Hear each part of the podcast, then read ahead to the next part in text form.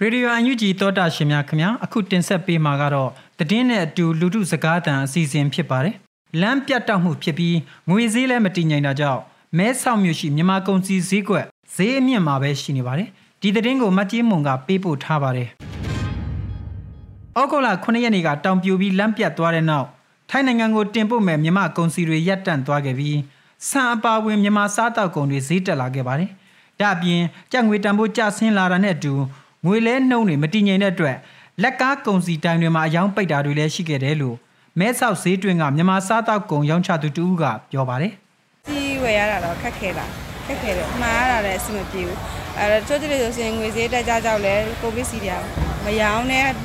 ဟာရစီတွေသူတို့ကုန်ကုန်ပစ္စည်းတွေပိတ်လိုက်တယ်အယောင်ပိတ်လိုက်တယ်အဲကုန်ပစ္စည်းရောင်းရရတာခက်ခဲလက်တလုံးမှာ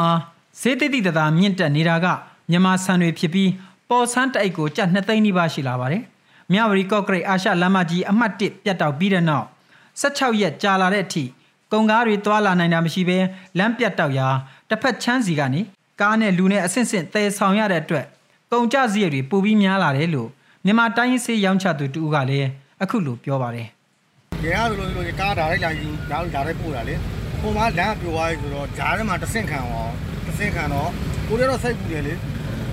တစ်ဆင့်ခံသွားပြီဆိုတော့ဟိုကဈေးကပြောင်းပြီလေမာကြီးရဲ့။ဘာလို့ဆိုတော့တည်ယူဈေးက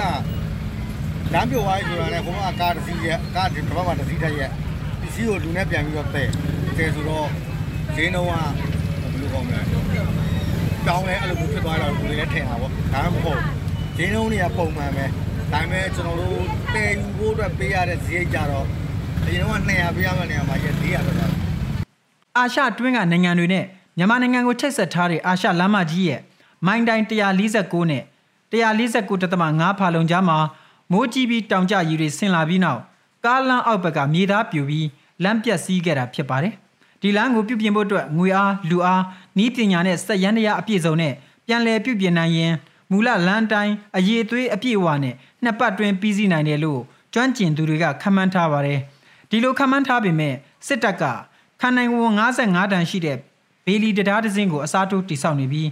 လက်တလောအချိန်ထိကုန်စည်စီးဆင်းမှုကတော့ပုံမှန်ခြေနေကိုရောက်ရှိလာတာတော့မရှိသေးပါဘူး။ဒါ့အပြင်ကြံငွေကနေဘတ်ငွေကိုပြောင်းလဲတဲ့ငွေလဲနှုန်းတွေကလည်းမတည်ငြိမ်သေးတဲ့အတွက်ထိုင်းနိုင်ငံမဲဆောက်မြို့ကမြမကုန်စည်ဈေးကွက်ကတော့ဈေးအမြင့်မှာပဲဆက်လက်ရှိနေအောင်မယ်လို့အယောင်းဝယ်လောက်ကင်သူတွေကပြောပါတယ်။အာရှလမ်းမကြီးအမှတ်1ကိုထိုင်းနိုင်ငံကအာရှဖြွံ့ဖြိုးရေးဘဏ်အကူအညီနဲ့ဖောက်လုပ်ခဲ့တာဖြစ်ပြီး2016ခုနှစ်မှာဖွင့်လှစ်ခဲ့တာလည်းဖြစ်ပါတယ်။